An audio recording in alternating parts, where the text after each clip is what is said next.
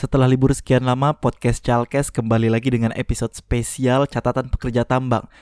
Bukan cuma cerita dari Yedi, tapi kali ini kita kedatangan bintang tamu yang kerja di Business Development and Risk Management di perusahaan tambang. Ini episode panjang banget, tapi gue jamin seru abis. Lu dengerin sampai habis, sebelum kita mulai, musik dulu kayak biasa. Kuy.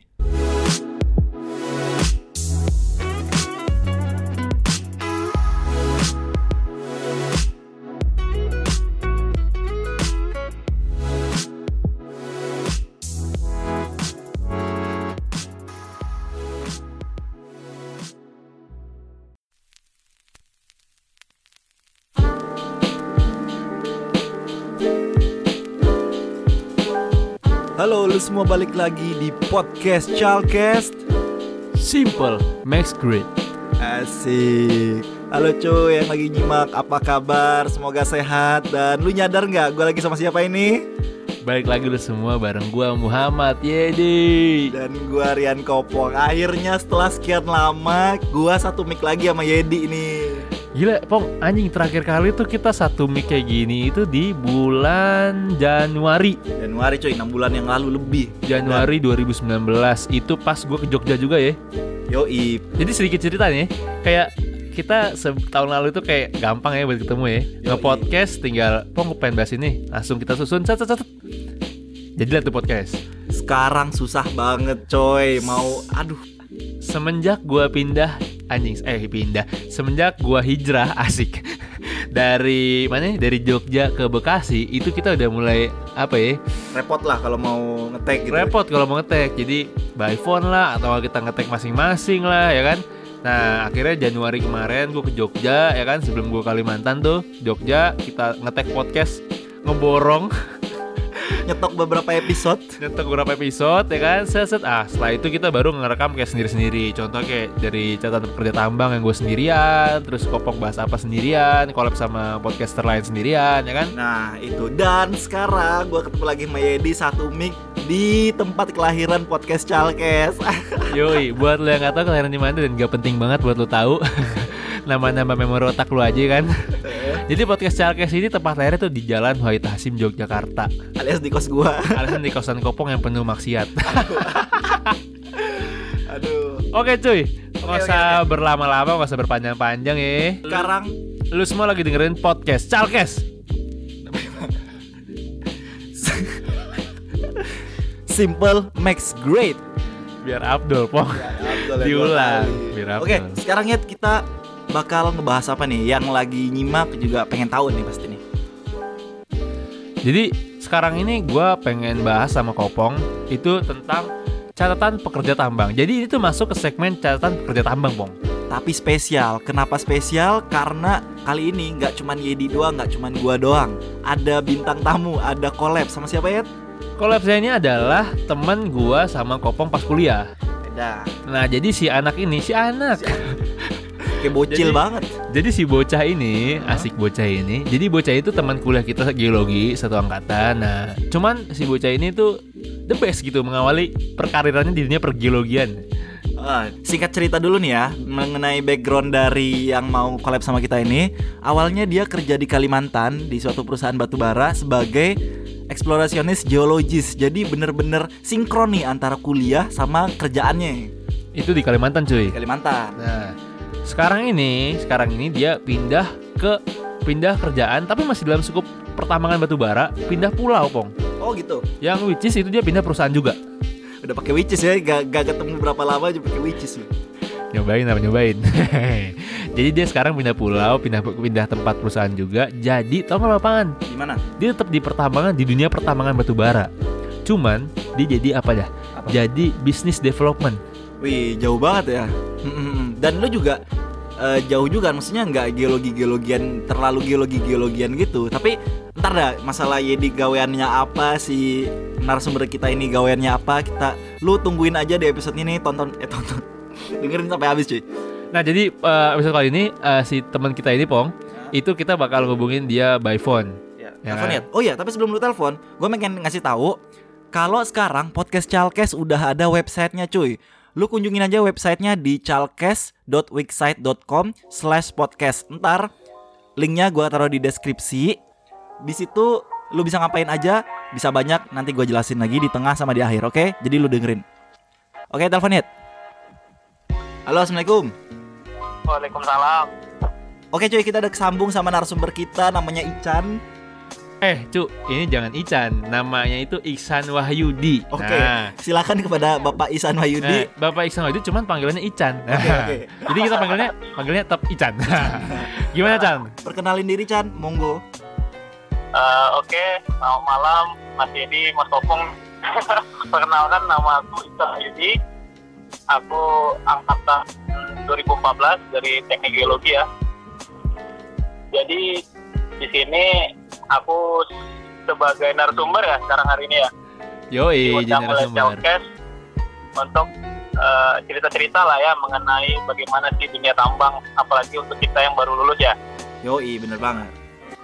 Jadi alhamdulillah aku sekarang bekerja di salah satu perusahaan batubara Palembang yang terletak di Tanjung Enim ya. Oke, eh, jadi gini cuy, jadi di Calkes ini kita emang sangat gemar buat mengajak orang tuh jadi bintang tamu. Iya, iya. Selain alasan karena kita suka kehabisan konten, Dan juga lihat perspektif baru aja gitu. nah Seru betul aja. betul. Jadi jadi sebenarnya kan kita ini masukin di segmen catatan pekerja tambang ya kan. Mm. Karena sejauh ini cuma dari sudut pandang gua seorang kan. Yoi. Nah sekarang gue pengen dari salah satu teman kita yang kebetulan juga kerja di eh, dunia pertambangan duniawi ya kan asik. Nah, jadi jadi gini gini. Eh, lu Yet sama Ican nih kan kerja di tambang ya. Dia kerja di tambang ya jelas sudah dikenalin juga. Terus gimana nih? Enak gak kerja di tambang? Gue dulu apa Ican dulu nih? Eh, Ican dulu lah, Ican, Ican. Ican, Ican duluan Ican. Gimana Ican? Lu gimana nih kerja di tambang? Eh, Enak gak? Enak. kalau kerja di tambang ya enak ya. Karena kerja di tambang itu kita sebagai lulusan geologi otomatis kita belajar ilmu baru ya. Ilmu baru, pengalaman baru, terus kita juga ketemu senior senior ya yang punya pengalaman yang sudah hebat itu kan jadi kita mendapatkan banyak pelajaran juga khususnya ya intinya enak kalau di tambang itu apalagi kita sebagai geologi kita dapat ilmu-ilmu yang baru mungkin gitu Kalau lu Yet, bagaimana? Kalau gua eh, kerja di tambang adalah sebuah keasuhan. karena karena karena gini gini. Kalau di dunia tambang itu kan dia ada dua ya, ada kontraktor sama owner ya kan. Yoi. Nah, kalau sebagai eh, geologis lulusan lulusan eh, geologi itu kalau kerja di owner memang kepake pong Hmm. ilmu geologi ilmu geologinya. Iya, iya. Nah, cuman kebetulan nih kali ini gua di kontraktor. Iya. Nah, jadi itu menurut gua pure tambang dan apa ya ya ya belajar dari nol jadi jadi kayak gua nggak ngerti sama sekali gitu nih apa yang harus gua kerjain apa yang harus gua lakuin datang-datang kayak orang bego. Iya. ya itu yang yang menurut gua ya. Ses- tapi tapi tapi kalau dari segi apa ya segi eh, pekerjaannya enak apa enggak menurut gua enak. Mm, karena karena gini karena kenapa enak? Karena eh kayak apa ya hal baru lah kan gue orangnya suka challenge gitu anjing Jadi yang gua ambil dari lu berdua nih sama jadi apa ya belajar lagi gitu dari awal ya masuk dunia kerja nih. Dan gua mau masuk ke yang lebih dalam sedikit nih. Di sana makan apa cuy? Enak gak? makanannya, makanannya. Gua kan penasaran nih. Biasanya kan di kota mah makan ayam geprek apa. Di sana gimana? Enak gak makannya? Eh, ini gue dulu nih lu dulu aja Chan Dulu aja Chan. Oh, kalau makan ya sama aja ya itu ya. Kalau aku kebetulan di Tanjung Enim kurang lebih kayak Bantul lah ya tempatnya itu. wih sekut kayak Bantul Bantul City yoi Iya, jadi jadi ada kayak mau nyari kayak rocket chicken tuh ada lah ya. Waduh. Ya, di, di situ ada. Oh, jadi nggak nggak terlalu kampung gitu ya Chan ya? Nggak terlalu da- di Enggak, pedalaman kebetulan gitu? tambangnya ada di kota kebetulan di tengah-tengah kota. Enak, enak. Nah, kalau lu Yet, yang di pedalaman nih gimana? ya kalau gua ini sebenarnya eh, apa ya asu juga Harap, jangan miris. Dia tadi miris mulu lu. Yet. jadi sebenarnya eh, apa ya sebenarnya kita tuh udah ngomongin makanan dari siang loh sama kopong jadi gua udah ngobrolin ini tentang makanan di tambang tuh sama kopong dari siang ya kan Nah, jadi menurut gue ini eh, kalau buat lo yang baru datang di dunia tambang di mes gitu terutama tinggalnya itu lo bakal makan lo bakal banyak banget karena itu menurut gue makanannya enak Cuman, tapi ada cumannya nih. Apa tuh? Kalau lu udah sebulan, dua bulan ya kan, Eh, lu akan menemukan makanan yang berulang. Jadi secara nggak langsung otak gue udah apal pom. iya. Chan. Jadi otak gue udah apal nih. Nih hari Senin gue ketemu ikan mas sama lawannya itu misalkan tempe ya. Ntar di hari Jumat gue ketemu yang sama nih. Oke. Itu survei membuktikan. Oke. itu gue beneran ketemu di hari Jumat. Iya iya iya. Nah, jadi kalau kalau gitu ya. kalau iya kalau makanan tuh sebenarnya enak-enak aja, cuman karena faktor bosen aja kali ya. iya. Dan gue tuh bener-bener pure nggak ketemu sama yang namanya ayam geprek lah, apalah inilah itulah. mie goreng mie goreng. Mie goreng masih ketemu lah, cuman Oke. ya jarang-jarang. Iya iya. Makanya tadi siang tuh pas gue, nah gue kan nyampe Jogja hari ini. ya. Hmm. Tadi siang gue nyampe Jogja, makan siang masih kopong ya kan. Pong, ayam geprek pong. Langsung ayam geprek. langsung request gua jadi ya itu bedanya kalau kalau mungkin kan kalau di di Padang lagi di Sumatera itu mungkin masakannya lebih kerasa kali ya rempah-rempahnya apa gimana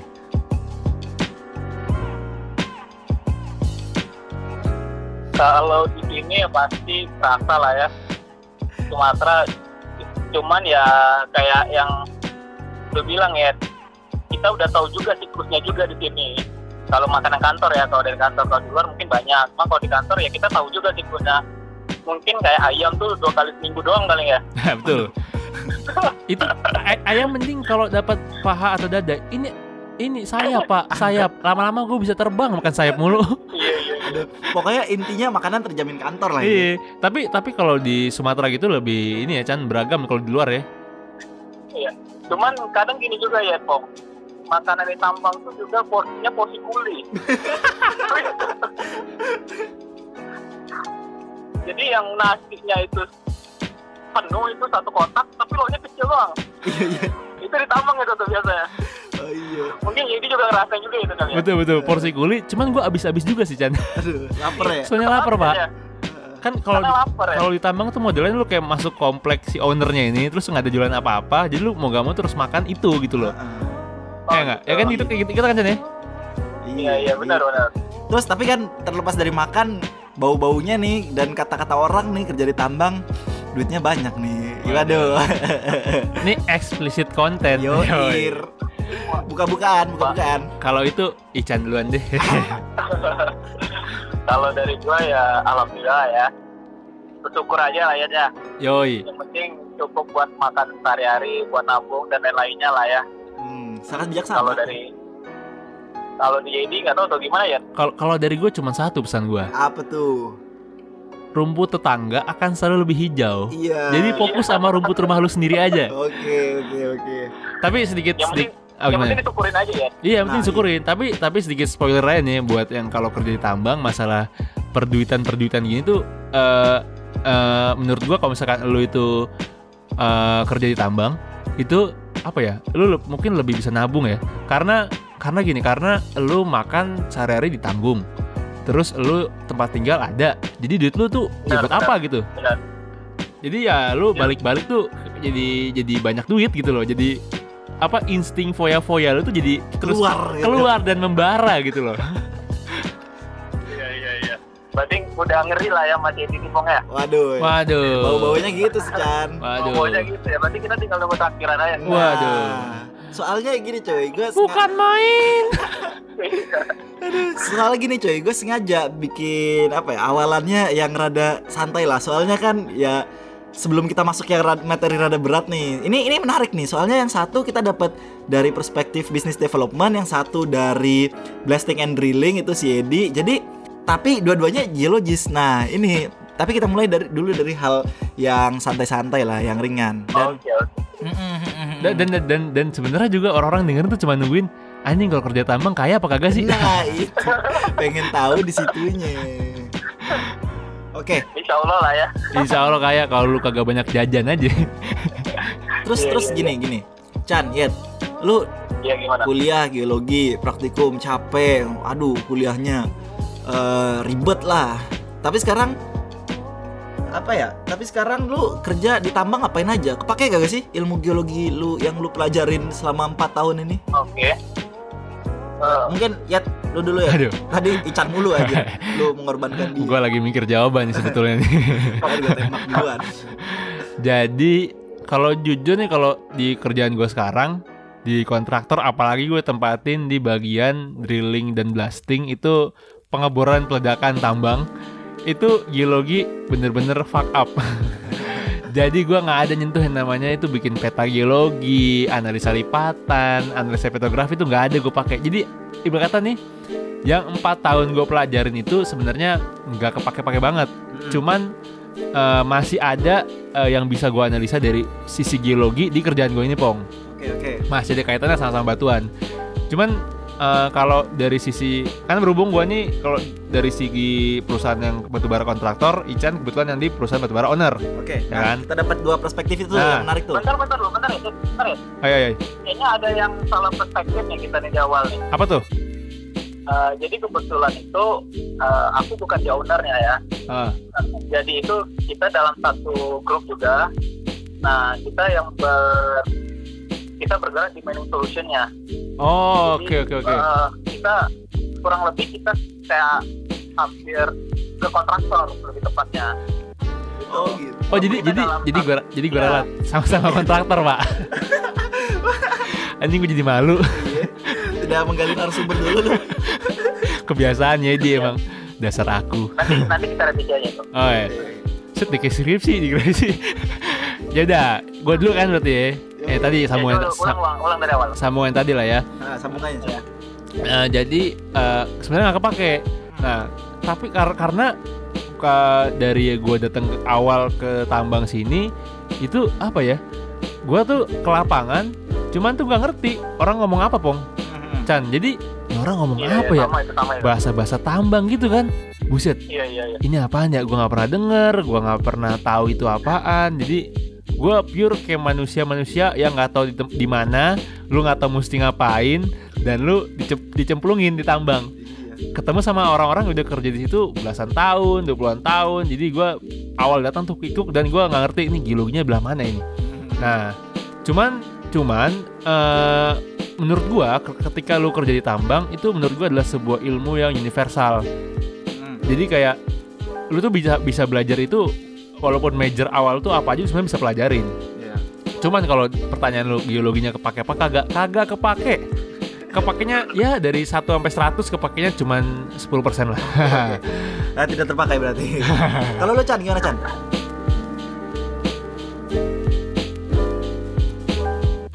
Kalau dari aku kurang lebih sama ya dari perspektifnya dari Yedi ya. Hmm. Jadi memang kalau untuk ilmu geologi kurang lebih cuma 10% lah kepake memang di di pertemanan aku sekarang ya khususnya ya. Nah, cuman eh, kalau boleh cerita dikit ya nih ya, ya Pong ya. Oh banyak nggak apa-apa, banyak nggak apa-apa. Banyak juga nggak apa-apa Chan, sumpah dah. Eh, jadi kan eh, dulu tahun lalu kan aku bekerja di salah satu perusahaan ya di yang berpusat Jakarta cuma punya site di Kalimantan Tengah ya. Nah di sana aku tergabung menjadi tim eksplorasi ya. Nah, Oke. saat tim es- ya jadi eh, aku tergabung menjadi tim eksplorasi. Di sana memang benar kalau di eksplorasi itu kita kepake banget semuanya kurang lebih. Baik kita dari observasi gitu ya, Hmm. menentukan litologi dan lain-lain itu kita kepake banget gitu nah. Nah, tapi bedanya kalau geologi di eksplorasi, kalau aku kemarin ya, nah, itu memang kita selain belajar eksplorasi, tapi kita juga membuat permodelan nih, Hmm. permodelan desain rancangan suatu pit nantinya kalau akan jadi tambang. Nah, itu data itu berdasarkan dari website. Nah, itu ilmu tersebut diajarkan oleh senior yang ada di sana ya, ilmu permodelan itu. Tetapi kan karena kita di eksplorasi, kita belum sampai nih yang namanya scheduling. Mungkin kalau di tambang ada yang namanya scheduling ya, baik Oke, yang short term atau long term ya. Nah, Eh, tapi kan itu itu Chan eh, yang lu bikin itu rada sulit gitu kan kayaknya. Maksudnya itu udah dari awal lu lu garap gitu. Gil- Gila menurut gua. Nah itu itu yang menjadi eh, tantangan sih untuk teman-teman geologis sekarang ini, Jetpong. Kita itu nggak cukup di ilmu lapangan, tapi kita juga sudah mengolah data. Hmm. Nah biasa kan kalau orang pakai bisa kalau sebelum eksplorasi itu bisa ada surpa gitu kan, kalau nanti permodalan bisa ada landscape atau schedule nanti aspak dan lain-lain kan ya.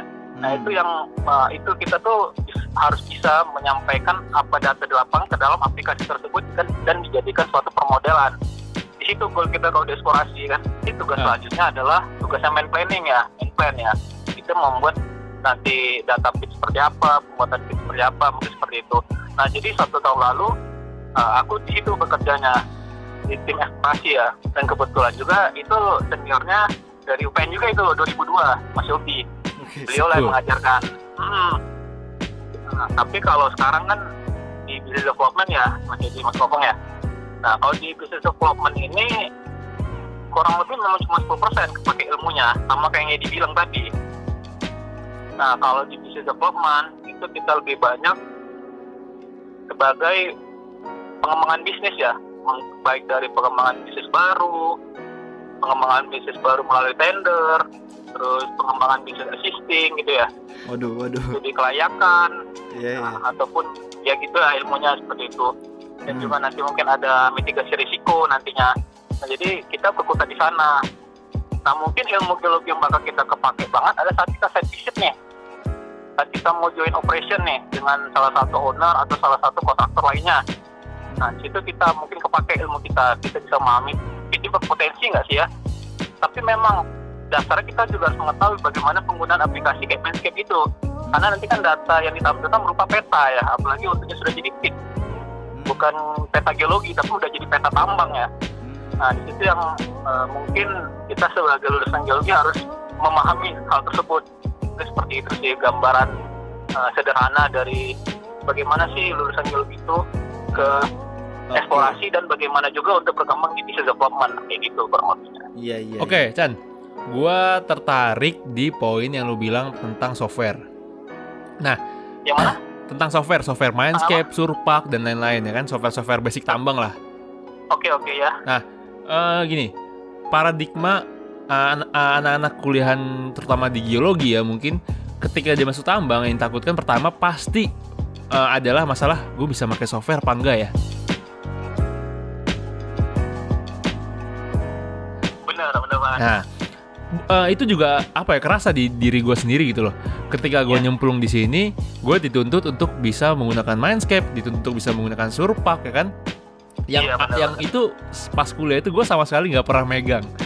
Nah, jadi lucu nih Pong. Mhm. Eh, Chan, pas pas, pas gue di interview gitu sama perusahaan gue, gue tanyain bisa bisa Mindscape nggak? Gue bilangnya, oh bisa pak, tapi basic. Itu gue bohong. jadi gue bener-bener nggak bisa. ya? berarti kita sama lah deh iya bener-bener bener-bener itu bullshit. Jadi gue bener-bener nggak bisa buta sama sekali. Nah ketika datang itu yang gue khawatirkan. Anjing ini gue bisa apa kagak ya megang-megang software? Bisa nggak ya buat ngehandle pekerjaan di ta- tambang kayak gini? Nah eh kalau dari eh, tempat gue ini ya dari tempat gue ini gue eh, lebih eh gue ngasih gue pengen ngasih pandangan kayak yang denger ini. Kalau tempat gue ini gue itu masuk gue nggak ngerti apa apa software. Gue lebih gue lebih prefer dan lebih eh, akan yang pertama gue lakukan adalah gue pengen belajar tentang tambangnya dulu. Basic tambang di lapangan tuh kayak apa ya kan? Benar benar. Nah basic tambang kayak apa di lapangan gue udah bisa ngebayangin di otak gue baru gue sedikit-sedikit nyicil mulai belajar main software. Itu juga maksudnya nggak langsung jor-joran ya maksudnya kayak bikin desain tambang segala macem. Dari pekerjaan-pekerjaan simple itu yang gue tanganin. Pokoknya simple-simple banget gue tanganin itu di situ gue mulai pel- pelan-pelan belajar. Nah cuman kalau itu kan dari kita sebagai masuk sebagai notabene langsung ditambang ya langsung Ya, sebagai engineer lah ya khususnya ya Langsung engineer. lah. act Oke. like eh, main engineer Iya, main engineer ya. Gua- main engineer ya. Ah, gue penasaran gini Chan. Tem- eh, waktu lu sempat dieksplorasi, itu kan pasti ngegunain, pasti lu juga bikin, eh, bikin apa peta tambang, lu bikin eh, perhitungan cadangan apa segala macam. Nah itu kan lu pasti menggunakan software kayak kayak Mins- Mindscape, terus apa Surpak kayak segala macam. Nah itu lu apa gimana Chan? Proses belajar lu di awal tuh kayak gimana sih? Oke ya, jadi kalau cerita kemarin ya satu tahun lalu itu aku otodidak ya Pong. Hmm. Bener-bener otodidak dalam arti kata kan kita kan ada kayak YouTube gitu-gitu ya. Dan juga kita pasti juga punya tuh dari share-sharean teman-teman tuh kayak video-video bagaimana sih penggunaan Manscaped yang benar ya kan. Seriusan ada di YouTube Chan. Dan lain. Iya ada kalau mau ada di YouTube. Oke. Tapi oke. lebih banyak sih dapat dari kayak eh, misalkan ada teman yang punya pengalaman. Kalau kebetulan kemarin kan ada senior kita itu, jadi eh, beliau memberikan materi seperti kayak ebook ataupun video-video kan. Nah, Hmm. di situ aku otodidak Oke, selama lanjut. satu bulan kurang lebih. Kurang lebih satu bulan tapi memang di saat kita otodidak tuh pasti kita akan ketemu stucknya lah ya betul betul betul betul betul kita akan kita akan ketemu stucknya karena kita belum memahami betul bagaimana prosesnya itu kan tapi sampai jalannya waktu sampai kita memahami kita sharing-sharing juga sama sudah sudah berpengalaman kita mulai mengerti nih oh jadi itu gunanya data ini oh jadi itu gunanya data yang ini gitu loh Nah, jadi saat kita menerapkan di aplikasi itu kita udah paham gitu loh. Ini loh kegunaan terus mengarah ke mana gitu. Jadi lebih otodidak dan juga setelah itu banyak yang nanya sih. Yang nanya-nanya gimana sih ini cara ini cara ini sampai yang perhitungan ya itu uh, diajarin sama Pak Yogi itu senior kita itu. Jadi gitu kalau pengalaman kemarin. Nah, berarti kan sebenarnya tuh intinya uh, lu semua yang mau nyebur ke dunia tambang tuh nggak usah perlu takut ya masalah software ya. Bener, gak usah perlu takut, semua itu pasti bisa asal belajar. Betul, karena gitu. Uh, saat lu kepaksa kepepet buat ngerjain sesuatu pasti bisa gitu. Bener banget. iya. Pasti akan bisa, apalagi udah dikejar waktu kan ya. Betul, udah dikejar waktu, kalau nggak bisa, ya bukan ini mah bukan bukan diomelin asisten anjir, diomelinnya sama bos anjing. udah udah masalah duit ini. Iya. Uh, terus kan lu berdua ini masuk ke dunia tambang, kebetulan sama-sama batu bara, itu tuh awal banget itu beneran kalian pengen di tambang atau karena kesempatan soalnya pola yang gue lihat gini banyak banget sekarang teman-teman gue yang udah lulus lama ataupun yang fresh graduate itu masuk ke perusahaan tambang dan rata-rata tuh batu bara dan emang gue lihat di LinkedIn di apa job fair gitu banyak banget yang uh, perusahaan batubara yang buka lowongan kerja gitu. Nah, bisa sharing nggak awal banget nih lu berdua terjun ke dunia tambang gitu? Lu dulu mungkin Chan ya? Jadi kalau pengalaman ya pengalaman aku kemarin tuh kayak yang pernah Yedi omongin tuh di sebelum-sebelumnya podcast sebelumnya tuh yang di catatan kerja tambang. Wih, lu dengerin berarti ya Chan ya? Sebagai pendengar setia podcast. Wih, cakep. Demen gue nih yang gini nih. Nah, jadi kan di situ dibahas tuh. Jadi bilang ini sebagai lulusan yang baru lulus nih, semuanya diterabas ya. Semua didaftarin. Mau jam minyak, mau nikel, mau batu bara, bener kan ya? Betul, Chan. betul, emang betul banget ya? Betul banget, Pak. Nah, dan itu terjadi dan itu terjadi gitu loh, Pong ya. Lebih banyak memang pembukaan itu di batu bara ya.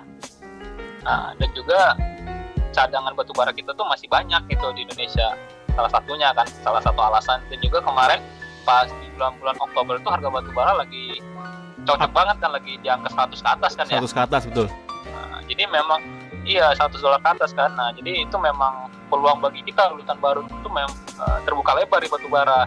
Dan juga mungkin memang rezekinya kali ya. Dan kalau di batu bara pun juga juga apa ya kalau dari aku sendiri juga minat sih di batu bara gitu. Karena kan entah dari skripsi dari pembelajaran-pembelajaran kita di kampus gitu Oh iya skripsi lu oh, tentang ini, ini juga ya Chan ya aluvial gitu-gitu ya. Iya tapi kan lebih ke yang ininya ya fluvial sungai. Oh iya iya iya. Si Kopong banget itu ya bahas-bahas fluvial gitu ya? Aduh iya. kangen Chan. Aduh Jauh parah. Si Kopong sotoy banget skripsi orang. Kalau lihat lihat singkat aja lu udah pernah di CPT ini kemarin. Kalau gua uh, karena emang pas baru lulus pas buka pas lagi nggak ada duit. Iya. jadi gue tes aja deh. Itu juga sebenarnya semuanya tuh gue ikut tes sih bang. Cuman ya karena kebetulan itu keterima ya udah gue takis saya langsung gue sikat. Hmm. itu singkatnya tuh kalau mau lebih panjang di CPT nah. catatan pekerja tambang episode gue lupa atau apa dua apa tiga gitu. Iya iya iya. Ini coy makin okay. makin panjang makin mantep nih obrolan kita.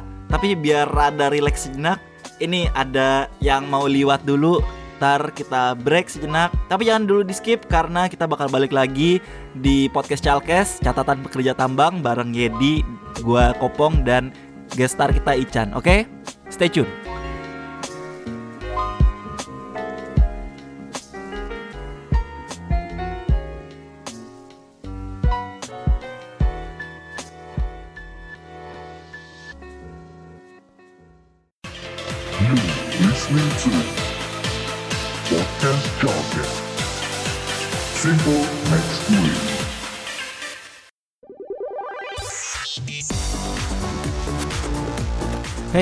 Lu penggemar podcast? Podcaster atau cuma seneng dengerin podcast doang? Nih, gue kasih tahu mending lu follow Instagram komunitas podcast Indonesia at podcast Indo. Kenapa? Karena di sana banyak info menarik seputar podcast-podcast Indonesia dan podcast terbaru yang rilis tiap hari. Juga, lu bisa join ke komunitas podcast Indonesia di Line Square dengan cara klik link yang ada di bio at podcast.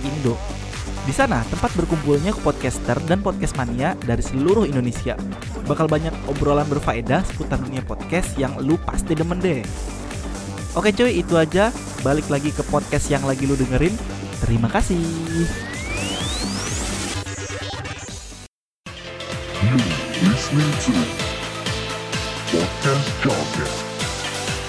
Simple next week.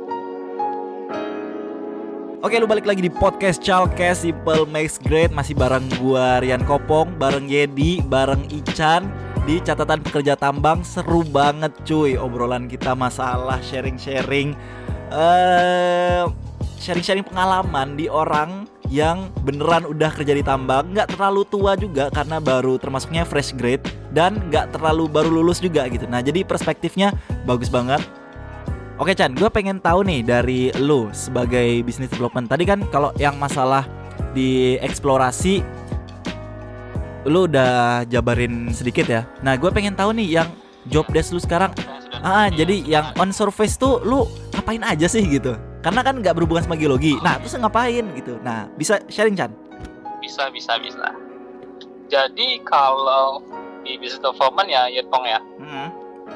ini kita bahas tentang business development ya ya terlepas dari geologi tadi ya Ya, dan risk risk apa? Risk mitigation? iya risk mitigation Oke, oke.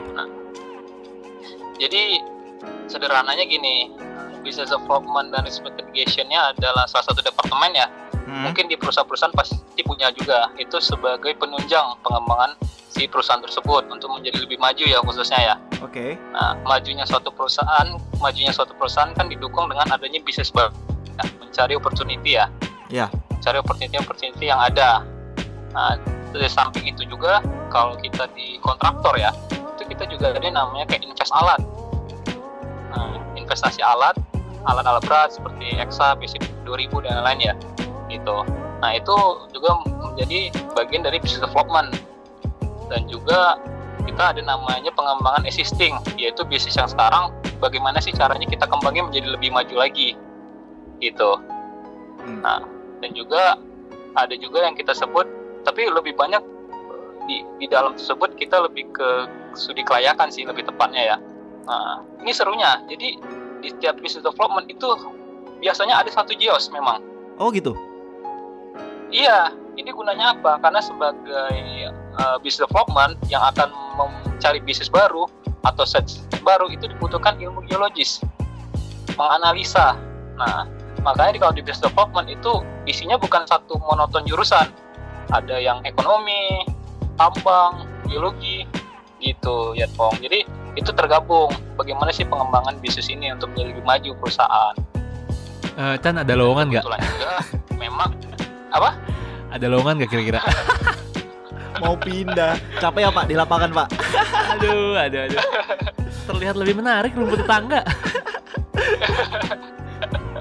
Oke lanjut Chan. jadi nah jadi yang serunya lagi gini di saat kita lagi bisnis baru nih Ya. kita juga dikasih job juga nih sama perusahaan apa yaitu kita harus menganalisa risiko Hmm. makanya disebut mitigasi risiko mitigasi risiko gimana nih supaya bisnis kita yang baru ini jangan sampai ada masalah ke depannya Ini Gitu. menyangkut menyangkut Jadi, duit itu namanya. doang biar dia nggak rugi atau atau Oh. resiko semua?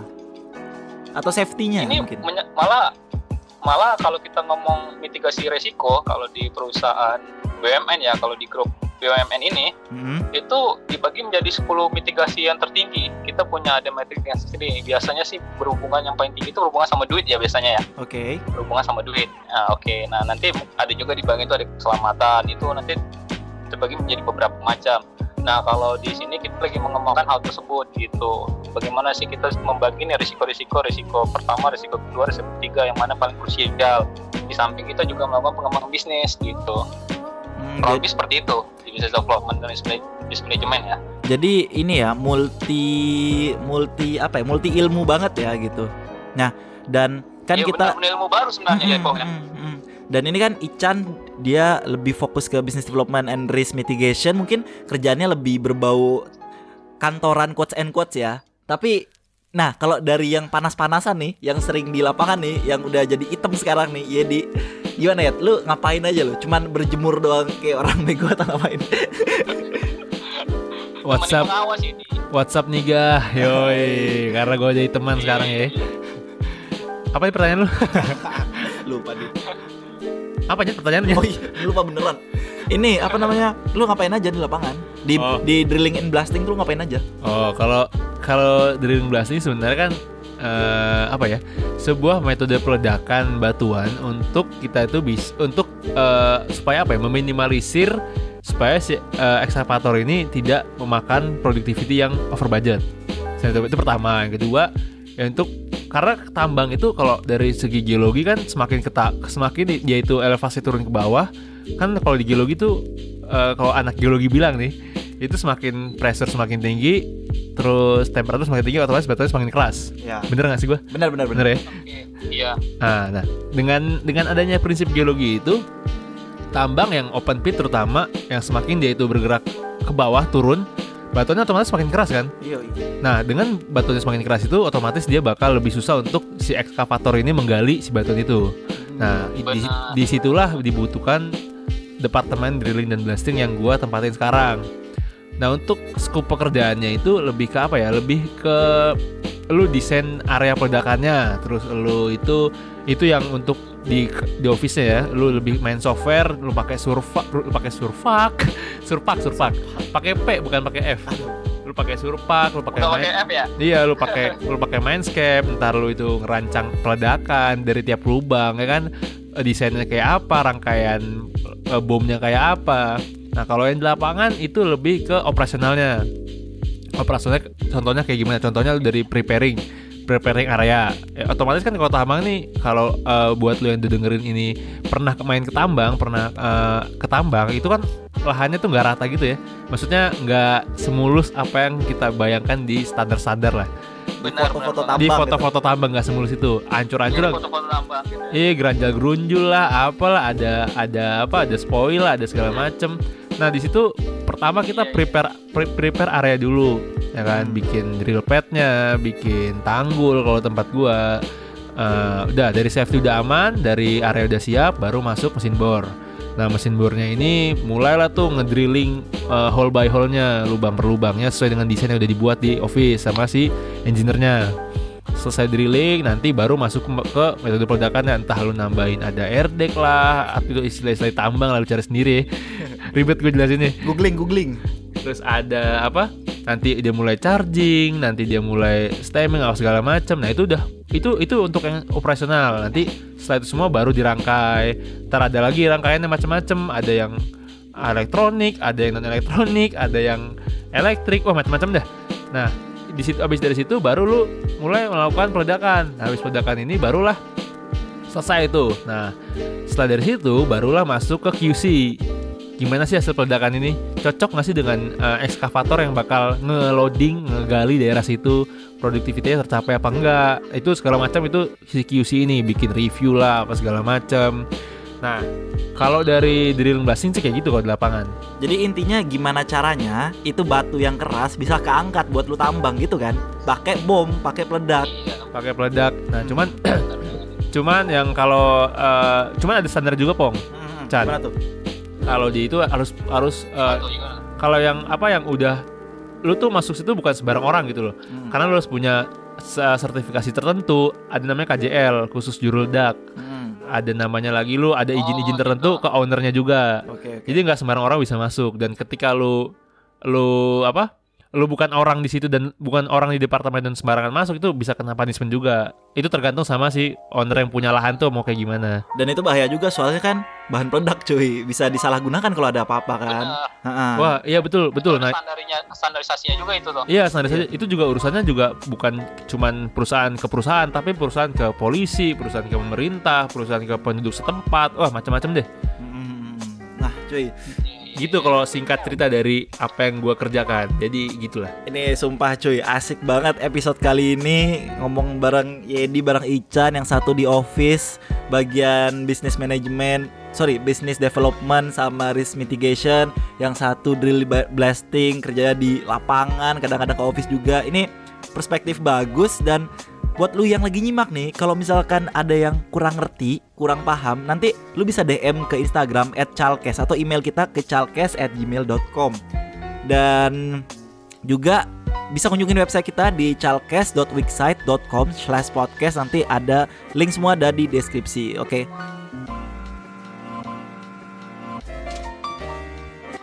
nah ini kita lanjut lagi apa ya apa Oh, itu tadi gua mau nanya ke si Chan. apa tuh Lu kan di tadi bisnis apa? Oke. bisnis development Di bisnis development ini bus dev inilah ceritanya. Itu lu pasti ada ke lapangan-lapangan juga kan? Ke tambang turun juga kan kayak mantau apa Pasti, sesuatu pasti. gitu. Pasti. Pasti, pasti. Nah, Nah, jadi jadi gimana ya? Kalau gue bilang itu ketika lu udah masuk kerja di tambang itu eh, lu pasti dan akan tidak akan bisa menolak untuk panas-panasan tambang. Mau itu lu lu departemen apa oh iya, pasti harus. pasti Itu akan wajib. iya pasti Itu akan itu. Mau lu bagian apa eh, human resource pun sekalian itu bakal turun juga ke tambang gitu. Karena ada Iya. beberapa hal yang emang lu harus Bener, bener. terjun langsung. iya jadi ya sama aja sebenarnya Jadi ya Ah. kalau lu masuk tambang ya udah siap panas-panasan. Apa pun apa pun apa pun Iya. departemen lu lah intinya. Nah. Eh, terus gini cuy, selanjutnya mulai menarik lagi karena lu pada kerja di tambang dan ini catatan pekerja tambang bukan catatan pebisnis tambang, tapi lu kan udah berkecimpung nih di dalam dunia pertambangan. Gue penasarannya apakah bisnis tambang ini secara keseluruhan ya, gue ngomongin dalam konteks batu bara, ini bakalan sustain atau atau gimana cuy? Karena kan juga ya mau nggak mau pahitnya lu bergantung pada harga batu bara dong jelas. Nah ini gimana nih? Walaupun kita nggak bisa prediksi kayak ekonom lah ya, tapi paling nggak sebagai yang lu rasain sebagai pekerja di dalamnya. Ah gimana nih? Eh, mungkin lu dulu Chan. Jadi lagi Oh. mikir soalnya. Anjing dikasih tahu. Kalau di tambang batu bara ya, Pong ya. Hmm. Di batu bara ini karena memang kan sekarang kita di harga yang cukup agak rendah ya dibandingkan yang bulan-bulan lalu. Oh iya. Tapi sebenarnya iya, sekarang kan harga nanti bisa dicek aja tuh harga batu bara pada bulan ini ya. Sekitar 70 berapa US dollar gitu gue lupa. 70 70-an ya, Oh, 70-an 70-an. dolar ya. Nah, nah, jadi cukup turunnya cukup drastis kan sampai 10 dolar. Nah, dibandingkan bulan lalu yang 81 kalau nggak salah ya. Jadi itu sebenarnya balik ke ini lagi Pong. Kan kalau di Indonesia ini cadangan batu bara kan masih banyak ya. Ya. Mulai dari yang kalori ren- kalori rendah hingga kalori paling tinggi kan ya.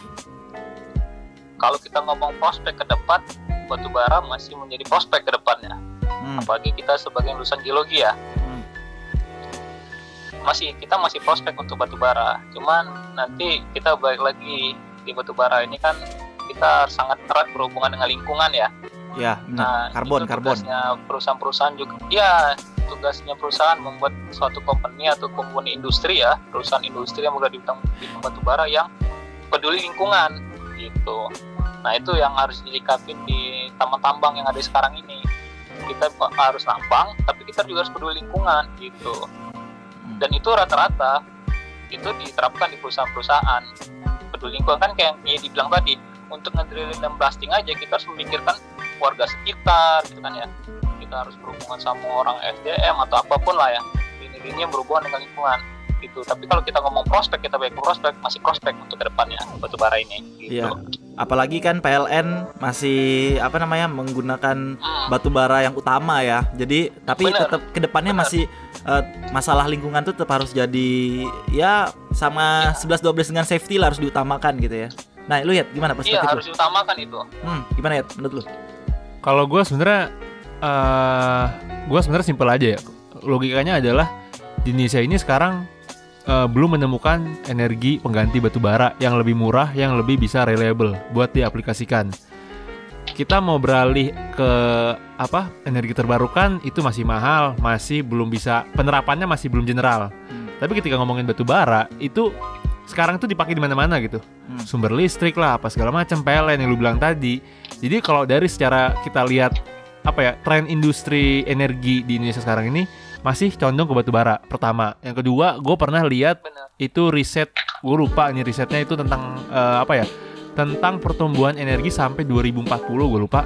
Itu yang luar itu Asia apa gitu Asia Energi. Ntar gue share cal- ntar gue share calkes ada di HP gue nah itu tuh eh, dari grafik yang dikasih itu dari batu bara itu masih distabil beda halnya kalau dari riset itu beda halnya dari grafik itu yang gue baca minyak itu mulai agak sedikit menipis terus kalau kalau apa namanya kalau energi terbarukan dia mulai berkembang sampai 2040 tapi kalau batu bara masih sustain.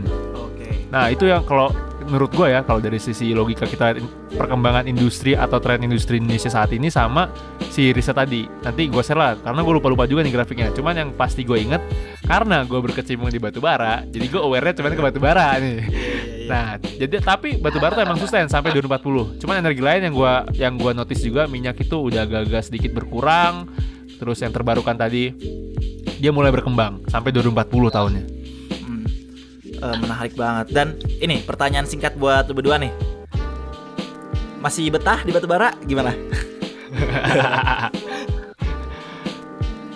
gue dulu dah gue dulu dah Gimana? Ed? Kalau masalah betah nggak betah gue masih betah sih. Karena ap- karena karena gini karena gue menemukan apa ya pembelajaran baru kayak anjing ini apaan sih? Gue belum pernah belajar ini gitu loh. Jadi masih kalau ibarat kata cewek nih kita PDKT nih itu masih anget-angetnya tuh. Oke, oke. ibarat kata tiap hari pengen ketemu. Nah. Lagi sayang-sayangnya. lagi sayang-sayangnya pak. Jadi gue sekarang posisinya lagi sayang-sayang ini Oke, oke. Kalau lu Chan, betah gak Chan? Kalau untuk sekarang betah. Oke. ya apa pong ya? Betah. Karena yang sama kayak Yedi bilang ilmunya ilmu baru semua gitu kan. Hmm. dan juga uh, akan ada yang hal-hal baru juga kan untuk ke depannya kan. Karena suatu perusahaan apalagi kontraktor kan kayak Yeti juga kan. Nah, itu nggak pasti juga akan bergerak di bidang lainnya kan. Nggak cuma di batubara bisa aja bermain di nikel. Sipil juga sekarang lagi gencar tuh. sipil konstruksi itu semuanya akan ada peluang-peluang sana gitu jadi untuk sekarang tuh masih sangat menarik kerja di tambang gitu tambang batubara ya Iya, cuy. cuman ya challenge-nya eh, setiap yang kerja di batu bara itu pasti akan kerja jauh-jauh sih itu challenge-nya sih menurut gua Nah, ini jauh dari bini, cuy. jauh dari kota, jauh dari keluarga, apalagi kalau punya cewek, punya istri kan, jauh dari keluarga lu, aduh segala macam. Itu yang maksudnya mungkin itu challenge satu-satunya yang bikin kita iya tai nih batu bara. itu sih menurut gua challenge yang kita harus hadapi. Cuman itu baik lagi sih ke orangnya menurut gua. Ini orang maksudnya bisa iya bisa nyikapin itu dengan bijaksana, asik. Bisa nyikapin itu dengan sebagaimana mestinya apa enggak. Hmm. Ya gitu sih. Yedi dewasa banget sekarang Yedi ya Dewasa, Chan. Buset. Parah. Yedi Makan. nih. Balik-balik langsung setiap kata-katanya diselipi kata-kata mutiara. Anjing. Itu gara-gara gue follow di Instagram ini pak apa eh, follow di Instagram yang kata-kata keren gitu anjing Aduh, iya iya. Nah, ini cuy menarik banget. Gak kerasa kita udah sampai menit keberapa nih? Mungkin hampir satu jam gitu rekaman. Nanti diedit jadinya nggak tahu jadi berapa. Tapi gua mengingetin sekali lagi cuy, buat lu yang yang udah dengerin ini dan pengen wah ternyata catatan pekerja tambang menarik nih lu bisa dengerin di, di, Spotify di SoundCloud di Google Apple Podcast semua ada lu cari aja podcast Chalkes dan jangan lupa di like di subscribe supaya lu bisa dapat episode terbaru langsung setiap minggu Oh iya Chan, gue boleh tahu nggak sosmed lu apa Chan yang bisa dihubungin mana tuh kan? Wah Mas nih yang mana nih? Mas nih yang mana nih? Pengen follow, pengen follow di mana Chan? Oh, boleh boleh boleh Nah, Instagram atau apa Ya bebas bebas, Instagram, LinkedIn, whatever. Friendster Friendster kalau maksudnya Friendster mungkin, mungkin yang kita biasa dipakai zaman now lah Instagram aja lah ya Oke. Eh, at ICHSN Wahyudi Oh, Oke, at ICHSN Wahyudi nanti ada di deskripsi ya. Kalau LinkedIn ada Chan? Mungkin? Eh, linknya langsung aja Iksan Wahyudi Oke, Ihsan Wahyudi. ICHSN Wahyudi. Nah, nih sekarang gua pengen rada slow lagi. Eh, gini, buat ini kan yang denger audiens Calkes rata-rata mahasiswa di kebumian yang bisa tambang bisa geologi. Itu gimana sih tips lu pada nih lu berdua yang udah kerja di tambang? Apa yang mesti dipersiapin sih buat seseorang ini bisa kerja di tambang gitu? Kan ada yang impiannya wah gue pengen banget nih kelar ke tambang. Gimana caranya? Nah itu. Gimana Chan? Eh, oh ini nambah sedikit nih ya Pong ya. apa tuh apa Jadi tuh di sini kan aku ketemu nih anak-anak magang nih ya. oke Terus yang terus yang ngomong nih, ah Mas tahu Chalkes nggak? Di sini ya, di waduh sini. Iya. Mas tahu Chalkes nggak? Iya beneran ini. Eh. Tahu. Ya aku jawab tahu kan. Ya mas ini kami sering dengerin ini nih banyak informasinya bagus-bagus katanya. Widih. Ini tambahan aja nih yang itu kemarin ini kemarin ketemu banget nih dua orang dari mas tiga orang ya tiga orang dari mahasiswa teknik lingkungan Unja kalau nggak salah yang KP di sini gitu. Jadi mereka ngomong gitu. Oke oke. Mantap mantap seneng gua. ini juga joget di samping. iya. Jadi balik yang tadi lagi ya? Ya iya iya. tips dan- triknya Pong ya? Oke. tips dan trik ini eh, kita bagi dua untuk teman-teman geologi dulu ya. Yang kita dari segi geologi ya. Kalau dari aku ya untuk teman-teman geologi yang paling penting di, di dunia geologi menurut saya yang sudah menurut aku yang sudah pernah aku alami sekarang ini itu kita harus paham konsep geologinya pong Oke. gitu. Jadi eh, dalam arti kata konsep geologi itu udah ada di otak kita gitu loh. Itu yang harus kita pahamin gitu. Jadi saat kita lulus dari geologi kita sudah siap memahami ilmu-ilmu baru bukan geologi aja gitu loh. Hmm. nah itu salah satunya. Nah setelah lulus tergantung pengen minatnya ke mana dulu. Misalkan kalau pengennya ke minyak nih ya belajarlah pet. Gitu kan kalau memang mau ke tambang belajar survival landscape expert nah, tergantung minat dan bakatnya juga gitu loh bang. Jadi harus ini ya, Gimana, karena basic geologi pun itu bakal mem- membentuk mindset lu kan, nggak cuman ya pelajaran doang, karena mindset lu juga terbentuk di geologi, cara berpikir Benar. analitis lu kayak gitu. bener banget pong. Mm-mm. dan itu akan menjadi poin plus kalau kita bekerja di tambang. Karena kita sudah mengetahui nih sebelum tambang ini ada kita udah tahu nih bentuknya itu dulu gimana geologinya. Oh ini ada lipatan oh ini ada sesar gitu kan. Ditambah dengan ilmu tambang makin banyak kan makin banyak ilmu yang kita punya gitu. Nah, makin jadi harus konsepnya dulu sih gitu. Makin jos Baru ya, jadi- aplikasi. Hmm, basic geologinya, sediment sedimentologi, geologi struktur, petrologi itu harus jago dulu baru nanti bisa ditambahin ilmu-ilmu tambang yang lain. Setidaknya paham konsep lah Oke, oke. Hmm, hmm. Kalau lihat ada tambahan mungkin? Gak ada. Oh ya udah terima kasih. Emang partner partner kurang ajar lu emang. Kalau oh ya sebelum gua masuk itu gue pengen berterima kasih banyak ke teman-teman mahasiswa Unja ya. Eh, Unja ya. iya ini Unja nih teknik lingkungan nih Teknik Lingkungan Universitas Jambi Jan ya. Iya Ya terima kasih banyak buat teman-teman dari Teknik Universitas Jambi. Tolong itu bertiga disebarin ke teman-temannya lagi biar lebih banyak. Biar traffic meningkat. Eh, ya itu. apa kan memberikan informasi itu kan ini bagus Betul betul. Jadi ini jujur aja nih gua sama Kopong pas dengerin lu bilang gitu kejingkrangan kita ya. Karena itu bener-bener kena ke visi misi kita yang awal gitu loh gila. Asik, asik Iya. abis. Terima kasih banyak Univers- Universitas Jambi Teknik Lingkungan. Terima kasih banyak. Oke, gue balik ke jawaban gua. Kalau jawaban gua eh, ketika lu lulus itu apa yang harus lu persiapkan ke mana tadi? Ke dunia tambang gitu ya. Bener kata Echan, lu harus lu harus apa siapin basic geologi lu. Cuman kalau di sini gue lebih lebih apa ya lebih menyorotkan ke hal eh, apa ya potensi dalam diri lu yang lu tuh nggak tahu gitu Nah, sebenarnya. Dalam artian di sini pertama ada mental. Itu mental yang perlu lu lu lu apa lu lu kembangkan lagi. Ketika lu itu beda soalnya. Ketika lu masuk geologi, ketika lu masuk tambang, geofisika atau masuk mahasiswa lain yang berkecimpung di lapangan, itu akan beda ketika lu lapangan saat lu mahasiswa sama lu lapangan saat lu kerja. Bedanya ada pressure-nya lebih tinggi, ketemu sama orang-orang yang aneh-aneh, ketemu sama karakter yang beda-beda, lapangan yang aneh-aneh juga. Dan di situlah mental yang harus yang harus diperlukan. Selain lu teknis kerjaan, itu juga mental lu bekerja jauh dan lu nggak pulang sekitar 2 sampai tiga bulan lah, bahkan mungkin ada juga yang 6 bulan baru pulang dan pulangnya juga cuma sebentar 14 hari. Pertama itu mental menurut gua. Habis mental, yang kedua eh keinginan lu untuk mencari tahu dan belajar sih sebenarnya. Karena ketika lu masuk tambang, even itu anak tambang itu juga masih harus belajar loh. Iya iya iya. Jadi bukan bukan benar benar banget itu bu- jadi bukan alasan eh, lu lu anak-anak geologi, anak tambang, anak geofisika segala macam itu lu juga belajar juga dari awal. Jadi lu mau nggak mau ketika lu udah nyemplung di situ, lu harus punya komitmen bahwa lu harus cari tahu juga sendiri. Lu harus banyak-banyak belajar juga, bukan dari buku, baik dari buku juga iya, bukan dari buku. Dari ketahuan nih gue belajar kan dari buku. dari bu, blogspot. dari buku juga iya, dari senior-senior lu, dari teman-teman lu. Ya dari mana aja sih menurut gua.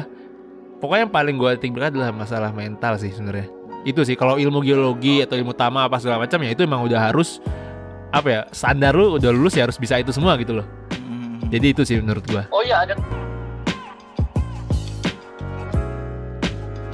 ada tambah juga nih ya Pong Yang Langsung, mungkin langsung. kita lupa nih tambah lagi. tips dan triknya nih Yup. karena kebanyakan ya kita lihat anak-anak yang baru lulus kayak teman-teman kita segala macam yang mungkin eh, kebanyakan itu yang kulihat ya eh, susah berkomunikasi nih Oh. gitu apalagi kita di tambang komunikasi nomor satu Nah, benar banget Chan. ada masalah apa-apa, iya kan ada masalah apa-apa, apa mungkin insiden dan lain-lain, itu harus dikomunikasikan secara cepat. Nah, bisa bisanya berkomunikasi secara baik, nah itu baik lagi pas kuliah nih, harus aktif nih, harus aktif lab, organisasi itu akan ada menunjang di dunia kerja kita nanti, itu kerasa banget. Mungkin di itu juga merasa seperti itu kan. Setuju gua, setuju, setuju, setuju. Terus, Betul. Penting komunikasi terus bagaimana sih kita menyampaikan ide kita ke mulut kita ini gitu Oh, sesuai nggak nah itu kan harus dibiasakan gitu kan dan juga mental sih bener banget apalagi pas interview tuh Bukan main. itu bisa rata-rata kalau kita bekerja di tambang itu interviewnya lebih ke mental gitu. Untuk masalah ilmu oke fine. Ada nanti eh, babaknya sendiri. Cuman lebih tekankan ke mental siap nggak di lapangan gitu dengan pressure yang seperti apa. Bahkan sampai di setiap peke- apa lowongan pekerjaan itu dikasihkan email bisa nggak kamu menjawab pertanyaan yang memang dari pertanyaan itu sudah menguji mental gitu? Ini memang mental harus nomor satu juga gitu Itu gua gua gua setuju. lah ya. Gue setuju banget masalah lu bilang tadi komunika masalah komunikasi Chan. Karena eh, apa ya lu di tambang itu pasti ketemu sama warga lokal sama bos-bosan sama abang-abangan sama tipe orang semua itu departemen gitu kan ya. Iya. semua departemen lagi kan. Tipe-tipe orang yang aneh-aneh gitu. Yang lu nggak Bener, pernah ketemu sebelumnya eh ada orang kayak gini ternyata. Terus gimana ya? Wah itu gue juga ngerasain tuh awal-awal gua awal-awal gua terjun ke tambang tuh wih gila nih mental sempat turun naik buset dah. Itu Bener, it- bener itu. Itu wah gila ya. itu. Fluktuasi gila kata banget sih. Nih nih harus kayak gimana nih gue ya? Itu sampai stres kalau dibilang stres stres ada cuman lebih lagi ke, ke lu sendiri gitu. Sama ini gue punya tips dan trik satu lagi nih. Apa ini tuh? ini sebenarnya kunciannya banget nih. Buat lu yang mau terjun ke tambang tuh ya. Ini kunciannya banget nih. Harus wajib kudu lu lakuin. Apa? tahu nggak lu apaan? Apaan? Banyak-banyak dengerin calkes Nah, karena ada catatan pekerja tambang. Iya, jadi lu kalau masalah apa kurang-kurangin aja nongkrong-nongkrong kurang-kurangin lu dengerin calkes saya boy. Asik. itu itu wah gila tuh. Lu nambah mental iya kan? Nambah pengetahuan iya kan? Buset. Banyak-banyak dengerin calkes itu tips dan trik paling utama anjing gue promosi.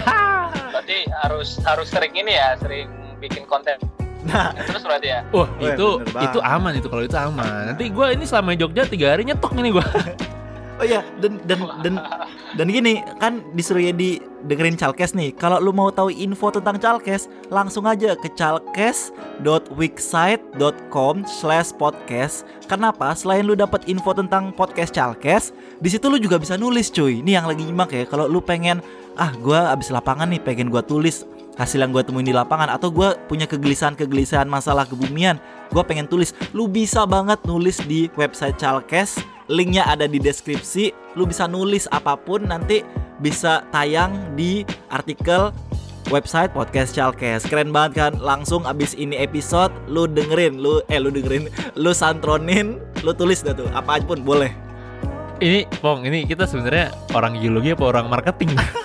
Jago bet jago ini. Dan dan dan gue main gini. Ini loh soft skill. Iya iya. Dan gue gini apa? Ya, wajib itu punya. Ini gua bukan yang PRS atau apa tapi ini gua bilang salah satu dari sekian episode terbaik yang pernah gua record karena perspektifnya banyak banget, ngomongnya puas, panjang cuman isinya padat, mantap.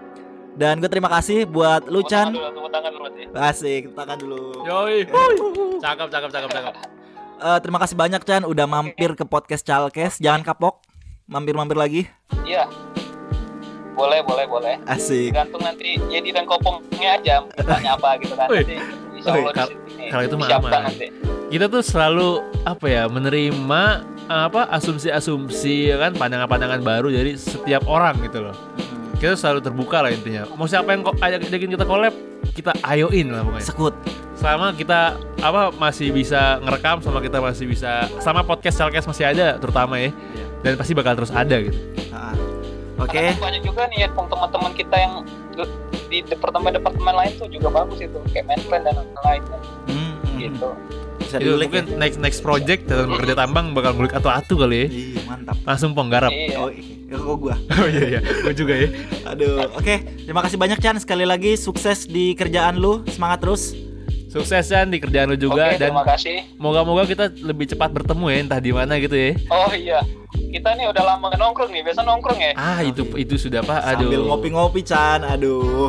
Kangen Vietnam Drip nih. Vietnam Aduh, Vietnam. Drip. Mantap, mantap. siap Siap. Oke ya, terima kasih juga. Loh, terima Loh, kasih. kan gue di sini Iya, iya. oh ya sampaikan juga salam dari podcast Chalkes ke teman-teman teknik lingkungan Unja Universitas Jambi sekut cuy. Oh iya. Mungkin seluruh Unja juga lah ya. seluruh Unja dah sampai dosen-dosennya sampai yang rumah-rumah di sekitar Unja tuh kirim salam aja dah pada dah aduh, aduh, aduh. Oke cuy, jangan lupa stay tune di podcast Chalkes, podcast geologi pertama di Indonesia. Lu subscribe supaya bisa dapat info tiap minggu, langsung lu dengerin oke? Karena podcast Chalkes mengorbit tiap minggu. Terima kasih banyak. Gua Kopong cabut. dan gue Yedi pamit Assalamualaikum. Bye. bye